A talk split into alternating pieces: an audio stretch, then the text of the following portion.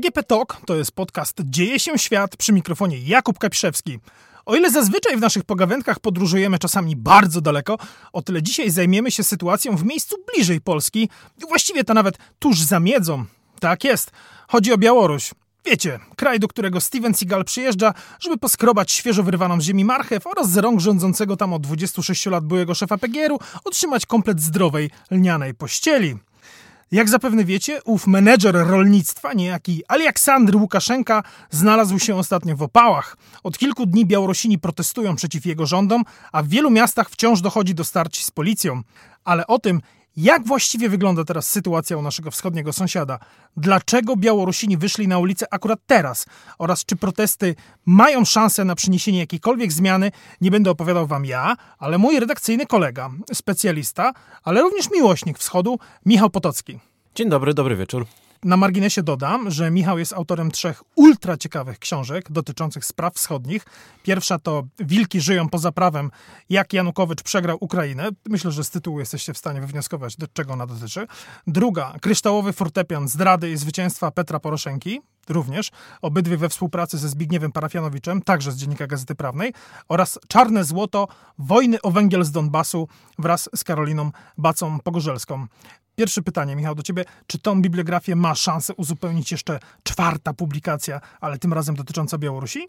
Zdecydowanie tak. Zawsze chciałem napisać o Białorusi i myślę, że kiedyś to się stanie. Ty chyba miałeś również kiedyś e, blog albo profil na Facebooku Białoruś Błękitne Oka? Był taki blog, ale niestety razem z blogami z tej rodziny blogów został skasowany przez, e, przez, prawda, właścicieli. Już nie pamiętam, to było blog.pl chyba, prawda? Coś takiego się nazywało. Była taka platforma kiedyś. Tak, tak, i ta platforma została zlikwidowana i niestety ten blog jest wyłącznie u mnie na komputerze, w związku z czym być może kiedyś z niego skorzystam, żeby sobie, prawda, budować rozdziały do książki o Białorusi. Teraz jest to przyjemnym memorabilium cyfrowym. To prawda, nikt nie ma, nikt nie ma do niego dostępu, jest to blog wyłącznie dla e, wybranych. Jednego czytelnika. jednego, blog jednego czytelnika.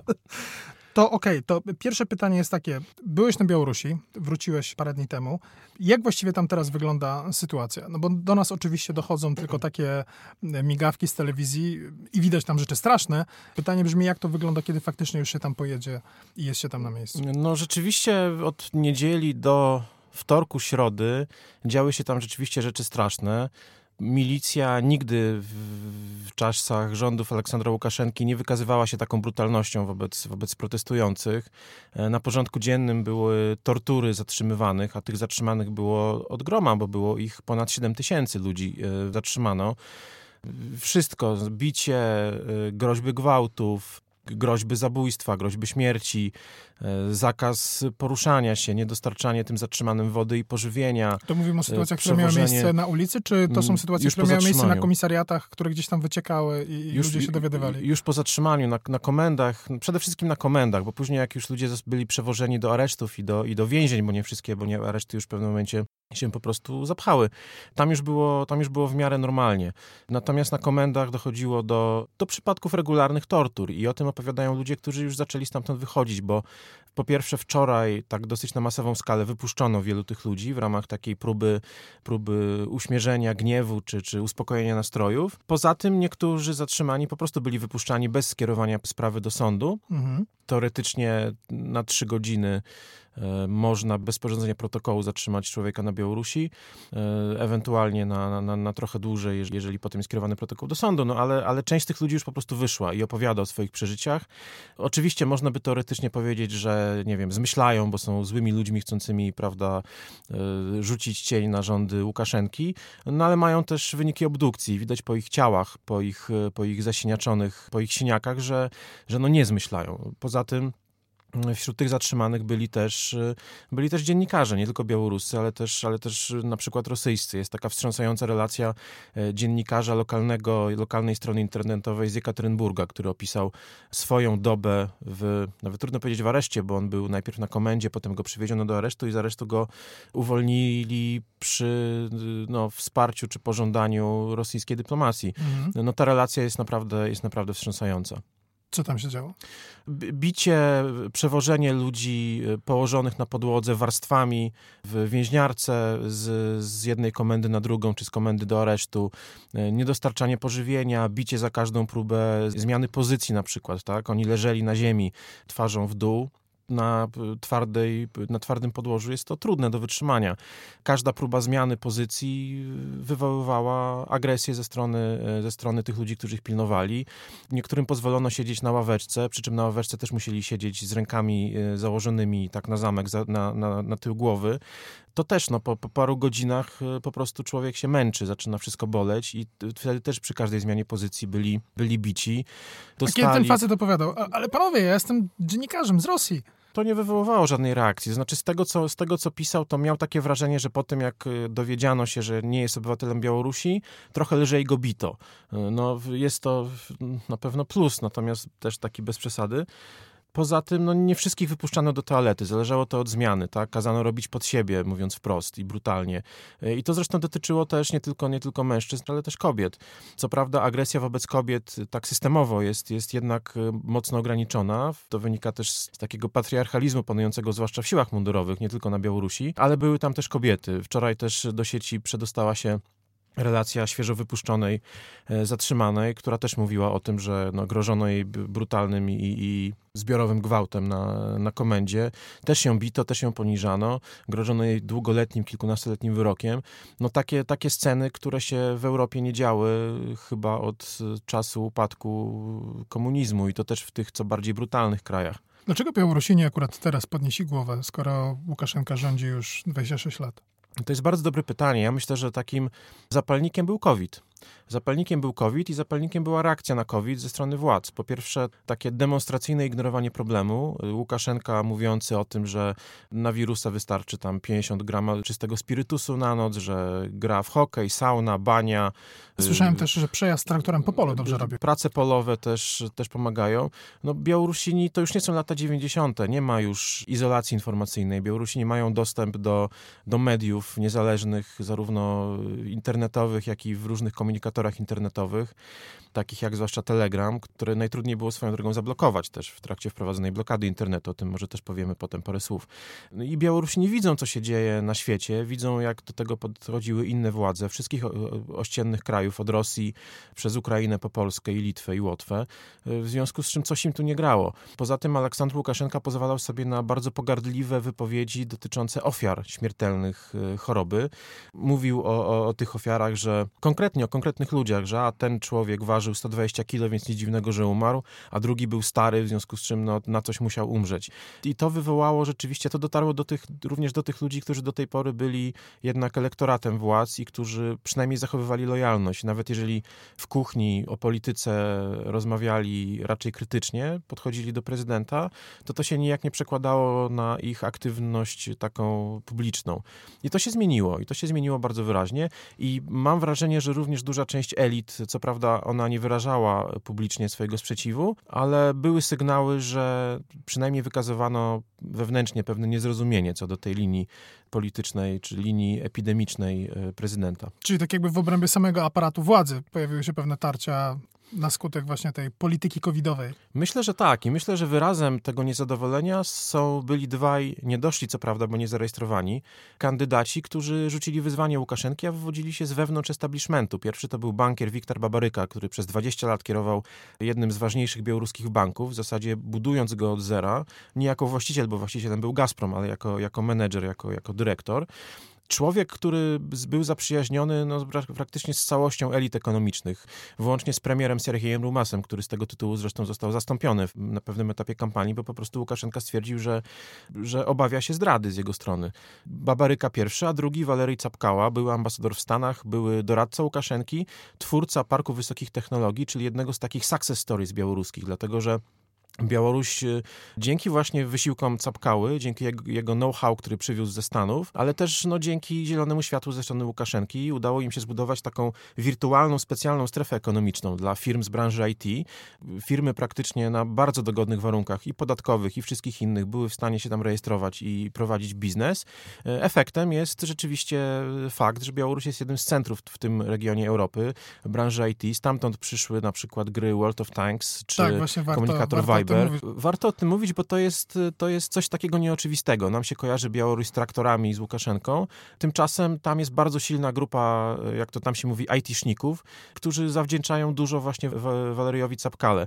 Capkała był drugim potencjalnym kontrkandydatem Łukaszenki. Ani Babaryka, ani Capkała nie zostali zarejestrowani. No nieprzypadkowo, właśnie dlatego, że wywodzili się z elit i najłatwiej byłoby w rozumieniu Łukaszenki doprowadzić im do rozłamu e, w elitach władzy. Mhm. Czyli COVID był takim powodem, w wyniku którego nabrzmiało niezadowolenie, ale chyba tą kroplą, która przelała czary goryczy, były wybory. Tak, i kampania wyborcza. Powiedzieliśmy o Babaryce i o Capkale. Babaryka od samego początku prowadził kampanię wyborczą z takim dużym rozmachem. Jemu rzeczywiście ludzie zaczęli wierzyć, bo on się kompletnie różnił od takiej tradycyjnej prozachodniej opozycji, która tam w zasadzie została rozbita po 2010 roku, która operowała wyłącznie takimi hasłami symbolicznymi. Godło, flaga, język białoruski. Okej, okay, to też są ważne tematy, ale to są mimo wszystko dla części Białorusinów, dla dużej części Białorusinów tematy mimo wszystko abstrakcyjne i trzeciorzędne. Natomiast Babaryka ze swoim wizerunkiem bankiera, ekonomisty, człowieka, który przez 20 lat y, y, zarządzał poważną instytucją, której Białorusini też w jakiś sposób musieli ufać, skoro nosili tam swoje depozyty i, i, i zakładali tam swoje konta. Poza tym człowiek, który też nie miał kompleksów, jeśli chodzi o tę warstwę symboliczną, tradycyjnie opozycyjną, dlatego że jako, y, jako dyrektor banku dużą wagę przykładał do mecenatu. Sprowadzał obrazy, organizował wystawy sztuki nawiązujące do tradycji Wielkiego Księstwa Litewskiego. Sprowadzał na Białoruś obrazy Marka Szagala, który przecież wywodzi się z Witebska. I on też nie miał, nie miał pod tym względem kompleksów. I dzięki temu udało mu się zebrać ponad 400 tysięcy podpisów poparcia przy 100 tysięcy wymaganych w warunkach pandemii, w warunkach represji, więcej niż ktokolwiek kiedykolwiek na Białorusi poza samym Aleksandrem Łukaszenką. Władze się tego przestraszyły. Najpierw wsadziły go do aresztu pod zarzutami machinacji finansowych i podatkowych, kiedy zarządzał bankiem. Zresztą pod tymi samymi zarzutami do aresztu trafił szef jego sztabu sztabu wyborczego, czyli jego syn, Edward Babaryka. Capkała też nie został zarejestrowany, jego nie aresztowano, ale on wyjechał z kraju, najpierw do Rosji, no, a potem, potem zrobił turnę po innych stolicach w regionie, między innymi był też w Warszawie. Ale był też ten trzeci, e, Siergiej Cichanowski, e, youtuber, bloger, specjalista z branży reklamowo-teledyskowej. Kręcił reklamówki w Rosji, kręcił teledyski. Umiał kręcić, to znaczy umiał, umiał rzeczywiście robić filmy, które były atrakcyjne dla widza, no bo na tym polega robota e, gościa od reklamy i od PR-u i od zwłaszcza rosyjskich popowych teledysków. Kto wątpi, może sobie znaleźć na kablówce kanał RU TV, ewentualnie Russian Music Box i, i samemu się dowiedzieć, jak to tam wygląda. Natomiast on rok temu wrócił na Białoruś i rozpoczął kampanię, którą nazwał Kraj do życia. E, zaczął z kamerą jeździć po regionach, po prowincji, zaczął rozmawiać z ludźmi o tym, co ich boli, bardzo bezpośrednim i często takim brutalnym językiem. To on określił Łukaszenkę mianem karalucha, stąd później być może Państwo kojarzą gdzieś tak z maja, czerwca demonstracje na Białorusi y, ludzi z kapciami w rękach, które miały symbolizować właśnie przeganianie karalucha. Rzeczywiście te jego filmy były dobrze pod względem y, technicznym nakręcone. One zdobywały setki tysięcy, a często ponad milion odsłon na YouTubie, co w kraju, w którym jest 6, 6 milionów 600 tysięcy uprawnionych do głosowania jest znakomitym wynikiem. On też nie został zarejestrowany. Nie dopuszczono go w ogóle do startu, dlatego że w dniach, kiedy kończył się termin na zarejestrowanie Komitetu Wyborczego, trafił do aresztu. E, w związku z czym, jak sama twierdzi spontanicznie, zarejestrowała się jego żona e, Światłana Cichanowska i to ją z tej trójki groźnych dla Łukaszenki kandydatów jako jedyną zarejestrowano. Prawdopodobnie dlatego, że Łukaszenka uznał, że po pierwsze jest to kobieta, czyli mu z automatu mniej zagraża, bo Białorusini nie zagłosują na kobietę. Po drugie, y, no, z racji tego, że ona sama nigdy nie, nie działała publicznie, z racji tego, że jej mąż siedzi w areszcie, a mają dwójkę dzieci, z których jedno wymaga takiej bardziej y, regularnej opieki, bo ma poważną wadę słuchu i wymaga takiej rehabilitacji. Zresztą dlatego Światłana Cichanowska y, w ostatnich latach zrezygnowała z pracy zarobkowej, ona była nauczycielką. dobrze wykształconą, ale w ostatnich latach spędzała przede wszystkim czas na, na rehabilitacji e, dziecka. Władze uznały, że w takim układzie będzie ją łatwo docisnąć, zastraszyć i że ona nie, nie, nie będzie w stanie zagrozić, bo Białorusini na nią nie zagłosują. Okazało się, że taka seksistowska linia, takie seksistowskie przekonanie Łukaszenki się nie sprawdziło. Białorusini okazali się dużo nowocześniejszym narodem, dla których płeć kandydata nie ma znaczenia. E, masowo zaczęli rzeczywiście wspierać Światłanę Cichanowską. Jej największy wiec w Mińsku liczył 63 tysiące osób i był największym zgromadzeniem politycznym w historii niepodległej Białorusi. W 1991 roku były większe wiece na fali tam e, starań o niepodległość, odrodzenia narodowego. Niezależnie od tego, że dzień wcześniej białoruskie władze zaczęły straszyć zamachem terrorystycznym, zatrzymano Wagnerowców, czyli najemników z Rosji i wprowadzono taką atmosferę, że coś się szykuje, że nie chodźcie na wiece, bo będzie groźnie. A mimo wszystko 63 tysiące ludzi poszło na wiec. Tak naprawdę nie dla Cichanowskiej. Oni wszyscy raczej, gdyby były rzeczywiście wolne wybory, to pewnie by głosowali na Babarykę jako tego specjalistę i ekonomistę, bankiera. Natomiast Cichanowska była symbolem. Ona obiecała Białorusinom tak naprawdę tylko dwie rzeczy. Pierwsza, wypuszczenie więźniów politycznych, a to jest pierwszy raz, kiedy więźniowie polityczni pojawili się już w trakcie kampanii wyborczej, bo zwykle represje startowały po wyborach, w noc wyborczą. A po drugie, obiecała im, że w ciągu pół roku przeprowadzi nowe, uczciwe wybory prezydenckie, w których sama nie wystartuje. Czyli Białorusini mieli jasność, e, że głosują na symbol, głosują przeciwko Łukaszence, a później będą sobie mogli wybrać Babarykę czy kogokolwiek innego, być może kogoś z emigracji, kto wróci i tak tak dalej. I no rzeczywiście y, Cichanowska, y, z którą zresztą zjednoczyły się sztaby Babaryki i Sapkały, te trzy panie, które, które stały na scenie y, na każdym wiecu, to Cichanowska, żona Capkały Wieranika i szefowa sztabu Babaryki, czy taka koordynatorka sztabu Babaryki Maryja Kalesnikowa. One rzeczywiście ludzi porwały. Bardzo kreatywna kampania, nawet tak obiektywnie, a nie tylko jak na, jak na warunki dosyć apolitycznej Białorusi. No i gdyby nie ta aktywizacja polityczna, prawdopodobnie po wyborach nie mielibyśmy aż tak masowych protestów i to protestów, na które wychodzi nie tylko tradycyjna klientela protestów, czyli ludzie młodzi, studenci, klasa średnia z dużych miast, ale też na przykład robotnicy.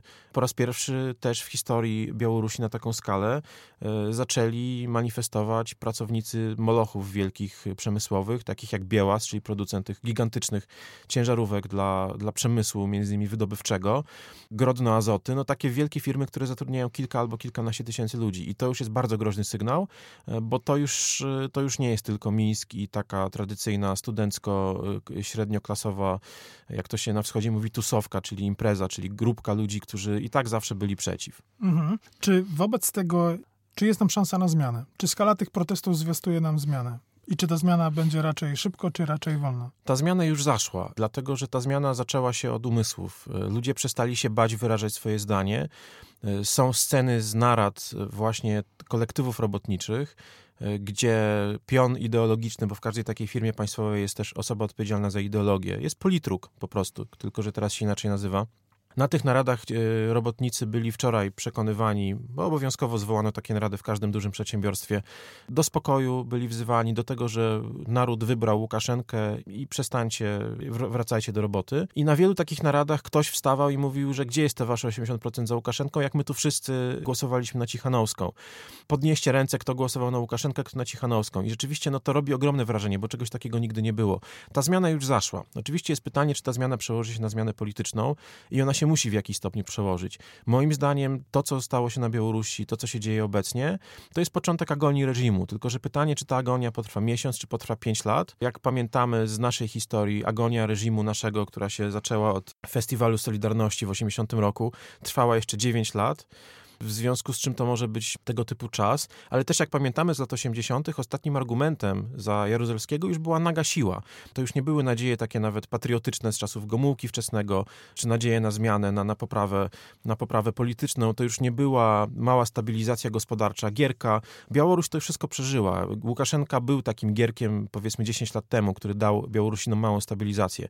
Teraz Łukaszenka wszedł w etap Jaruzelskiego, nagiej siły i wyłącznie siły. Ono oczywiście może może potrwać. Być może wkraczamy w okres najsilniejszych represji w historii Białorusi. One i tak już trwają, ale być może będą kontynuowane. A być może wręcz przeciwnie, Łukaszenka będzie musiał pójść na jakieś zmiany. Zresztą wczoraj, po pierwsze, milicja dużo mniej brutalnie traktowała protestujących. Po drugie, pod nazwiskiem oficjele zapowiadali przeanalizowanie przypadków zatrzymań, że być może nie wszystko było ok. Minister spraw wewnętrznych Jurij Karajew, taki silny lojalista wobec Łukaszenki, ale też mający opinię mimo wszystko człowieka dość honorowego i przywiązanego jakby do, do takiego etosu munduru. Do pewnych granic oczywiście, jak to w kraju autorytarnym, ale mimo wszystko z tego, co mi Białorusini, którzy znają sprawę, mówili. No on wczoraj na przykład przeprosił ludzi, którzy przypadkowo zostali poszkodowani w trakcie zatrzymań. Oczywiście nie przeprosił ludzi, którzy nieprzypadkowo zostali poszkodowani, więc można uznać, że, że nie, nie są to takie przeprosiny, że to są przeprosiny z gatunku, jeżeli ktoś się poczuł urażony, to ja przepraszam. Natomiast jakaś zmiana, jakaś samorefleksja, że tego słowa użyję, zaszła. Oczywiście pytanie, jak daleko to pójdzie, jak daleko to się przełoży na realne zmiany. Łukaszenka jeszcze parę dni przed wyborami sugerował, że po wyborach przyjdzie czas na zmianę konstytucji, również w zakresie podziału kompetencji między poszczególnymi władzami. O tej zmianie mówiło się od lat, tylko że ona nie zachodziła. Mówiło się chociażby o budowie prawdziwego systemu partyjnego, czy jakiejś formie przekształcenia parlamentu w ciało, które miałoby jakieś realne kompetencje, bo na razie to jest izba od przyklepywania dekretów prezydenta. Ciekawostka, białoruski parlament, odkąd powstał pod koniec lat 90. w tej formie, jaka teraz istnieje, nigdy nie zagłosował przeciwko jakiemukolwiek projektowi ustawy. To pokazuje, że to jest imitacja parlamentu, a nie prawdziwy parlament. Być może teraz poznamy jakąś imitację zmiany konstytucji, a być może nie będzie to imitacja. Zobaczymy, jak bardzo zdeterminowane będą władze białoruskie i kto po prostu przekona Łukaszenkę do, do jakiejś konkretnej linii postępowania. Widać, że jakaś refleksja nastąpiła, bo brutalność spadła, wypuszczono dużą część zatrzymanych i bo padły te słowa o tym, że trzeba e, się zorientować, co tam z tymi zatrzymaniami było. E, zobaczymy, co będzie dalej. Czy jest jakaś taka możliwość, żeby opozycja została włączona do systemu władzy, żeby uspokoić nastroje, trochę przyklepać? To jest dobre pytanie pytanie. Mam wrażenie, że przed taką decyzją Łukaszenkę broni taka potężna bariera psychologiczna, która nigdy mu nie pozwalała się dogadywać z przeciwnikami. On ich zawsze traktował z pozycji siły i zazwyczaj chociażby przez to, że od razu przystępował do działania z pozycji siły, wygrywał, bo opozycja była y, przestraszona, przerażona, podzielona, skonfliktowana i łatwo było z nią wygrać. W związku z czym to będzie wymagało od Łukaszenki przełamania bariery psychologicznej. On raczej takich barier nie przełamuje, ale z drugiej strony może dojść do jakiejś imitacji włączenia opozycji. Tam są różni ludzie w ramach przeciwników władz. Są ludzie bardzo umiarkowani i są ludzie tak naprawdę którzy chętnie by wskoczyli w ramę czy w formułę koncesjonowanej opozycji, czyli czegoś w rodzaju Zjednoczonego Stronnictwa Ludowego z czasów PRL-u, albo czegoś w rodzaju Komunistycznej Partii Federacji Rosyjskiej, czyli takiej partii, która niby głosi swój sprzeciw wobec poszczególnych elementów linii politycznej Łukaszenki, jest w parlamencie, ma poważną frakcję, ma może nawet jaką, jakieś tam stanowisko mera jakiegoś miasta, ale co do linii takiej zasadniczej wspiera Łukaszenkę. Czy to wystarczy? Znów, trudno powiedzieć, ale no tutaj sama formuła włączenia opozycji do polityki, do prawdziwej polityki, ona ma w sobie wiele odcieni i wiele wiele odcieni szarości może zostać zastosowanych. Co na to wszystko Rosjanie? To jest bardzo dobre pytanie. Mam wrażenie, że na razie Rosjanie się przyglądają temu, co się dzieje. Rosjanie co do zasady strategicznie Łukaszenkę popierają, niezależnie od pewnych taktycznych różnic i taktycznego dociskania, ale to nie znaczy, że jeżeli Łukaszenka rzeczywiście przegra i będzie musiał oddać władzę, to że Rosja łatwo się nie przerzuci na jego następcę. Tak było w Armenii 2-3 lata temu. Po rewolucji Nikola Paszyniana najpierw Rosjanie traktowali go bardzo podejrzliwie, ale Paszynian z jedną z pierwszych wizyt pojechał do Moskwy, zapewnił Rosję, że okej, okay, że tam trzy lata temu, jak byłem zwykłym dziennikarzem, dużo pisałem o NATO i Unii Europejskiej, no ale rozumiem realia. I, I prawdopodobnie następca Łukaszenki, kim by on nie był, zakładamy w tym momencie, że Łukaszenka będzie musiał oddać władzę, też będzie rozumiał realia i nie będzie parł do NATO ani do Unii. Zresztą takie hasła nie padały w czasie kampanii wyborczej. Pytanie raczej polega na tym, czy Rosjanie zdecydują się, jeżeli będzie taka prośba wystosowana, pomóc Łukaszence y, zbrojnie. I to jest chyba najważniejsze pytanie, na które odpowiedzi póki co nie ma. Czy takie w ogóle propozycje się pojawiały? Ze strony białoruskiej nie, dlatego że Łukaszenka też ma świadomość, że wejście. Można... Że to jest zaproszenie w jedną stronę. Zaproszenie trochę. w jedną stronę, że to jest tak, jak w tych dowcipach czasów PRL-u, o tym, jak prawda, Polak, Rusek i Niemiec y, mówią o tym, kto się gdzie zgubił w lesie, i, i Rosjanin mówi, że od 40 lat weszliśmy do lasu w Polsce i nie możemy wyjść. I to generalnie coś takiego, że bardzo łatwo się będzie Rosjanom zgubić w białoruskim lesie, i Łukaszenka o tym wie. Natomiast to nie jest człowiek przywiązany, dla niego ważniejsza jest władza niż jakieś tam suwerenność czy niepodległość Białorusi. jeżeli uzna, że to jest jedyna opcja na zachowanie władzy, to nie miejmy złudzeń, zaprosi rosyjskie wojska. I z Rosji takie bardzo nieśmiałe sygnały płyną, że w sumie czemu nie? Po pierwsze Władimir Żyrynowski, pajac, ale człowiek, który czasami wyraża stanowisko części rosyjskich elit, mówił, że to już jest koniec Łukaszenki, że trzeba tam wejść i zrobić porządek. I Margarita Simonian, szefowa pionu propagandowego rosyjskich tak zwanych mediów państwowych, napisała wprost, że to już jest czas, żeby na Białorusi pojawiły się zielone ludziki i zrobiły to, co potrafią. To, co prawda, na razie jest taki szum informacyjny i równie dobrze to może być takie zwykłe zastraszanie białoruskich władz, dociskanie ich w sytuacji słabości. Rosjanie się w tym specjalizują, no ale też trzeba brać to, trzeba brać te słowa pod uwagę. Takie pytanie na sam koniec. Co wobec tego może zrobić dyplomacja unijna albo dyplomacja polska? Bo ze e, strony unijnej też chyba zdaje się jest takie rozeznanie realiów, tak? Że, że to nie jest kraj, który po prostu włączymy do Unii, włączymy do NATO i wszyscy będą szczęśliwi. Nie, nie ma takiego, nie ma takiego oczekiwania i zresztą, zresztą nikt nie chce Białorusi włączać do Unii czy do NATO, chociaż moim zdaniem zdaniem ze wszystkich państw postradzieckich Białoruś byłaby do tego najbardziej gotowa. Z racji relatywnie niskiego poziomu korupcji, e, wysokiego stopnia wykształcenia społeczeństwa, jednorodności tego społeczeństwa, takiego uporządkowania, porządku, który tam panuje. To nie jest zasługa e, wyłącznie Łukaszenki, chociaż w jakiejś formule pewnie tak. Relatywnie wysokiego poziomu życia i tak dalej, i tak dalej. Białoruś bardziej przypomina pod tym względem, moim zdaniem, na przykład Łotwę niż Ukrainę.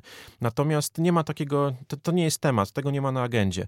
Unia Europejska No to nie jest prosty moment, bo rzeczywiście można zagrozić Łukaszence sankcjami, ale sankcje mogą go i pozostawią go sam na sam z Rosją, w związku z czym to jest taki, no pokerowa zagrywka byłaby, chociaż pewnie niezbędna, gdyby te represje były kontynuowane z taką brutalnością, no bo też nie możemy sobie pozwalać na coś takiego, jeżeli mówimy, że Unia Europejska jest supermocarstwem wartości, no to Białoruś jest, leży w naszym bezpośrednim sąsiedztwie, jest państwem europejskim i jeżeli nie tolerujemy łamania praw człowieka w Syrii czy w Libii, no to tym bardziej nie powinniśmy tego tolerować na Białorusi. Z drugiej strony trzeba szukać kontaktu z białoruskimi władzami i zachęcać ich do tego, żeby poszły na jakąś formę kompromisów, próbować naciskać z tej strony. Zresztą premier Czech Andrzej Babisz po rozmowie z Mateuszem Morawieckim też napisał wprost, że to, co może uratować sytuację, to jest powtórzenie wyborów. Nie wiem, czy to świadczy o dobrym rozeznaniu w sytuacji na Białorusi, w tym jak wygląda system wyborczy na Białorusi, ale to jest świadectwo tego, że gdzieś tam kraje, przynajmniej naszego regionu Unii Europejskiej, zaczynają się budzić, co nie było oczywiste przed wyborami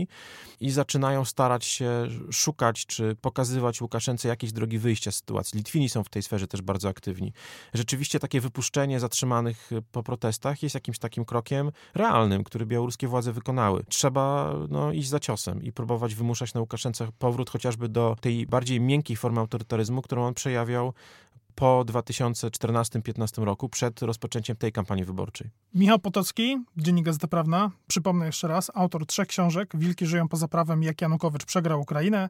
Kryształowy fortepian zdrady i zwycięstwa Petra Poroszenki, a także Czarne Złoto, wojna o węgiel z Donbasu. I czekamy na czwartą, o Białorusi, być może transformacji Białorusi. Kto wie, zobaczymy. Rzeczywiście wszystko na to wskazuje, że zmiana nastąpiła i ta zmiana wymaga opisania. Dziękuję Ci, Michał, bardzo. Dzięki bardzo. A to był podcast Dzieje się świat, DGP Talk, przy mikrofonie Jakub Kaprzewski, dzisiaj w studiu razem z gościem i być może to nie jest ostatni raz, kiedy będziemy korzystali z tej formuły. Do usłyszenia.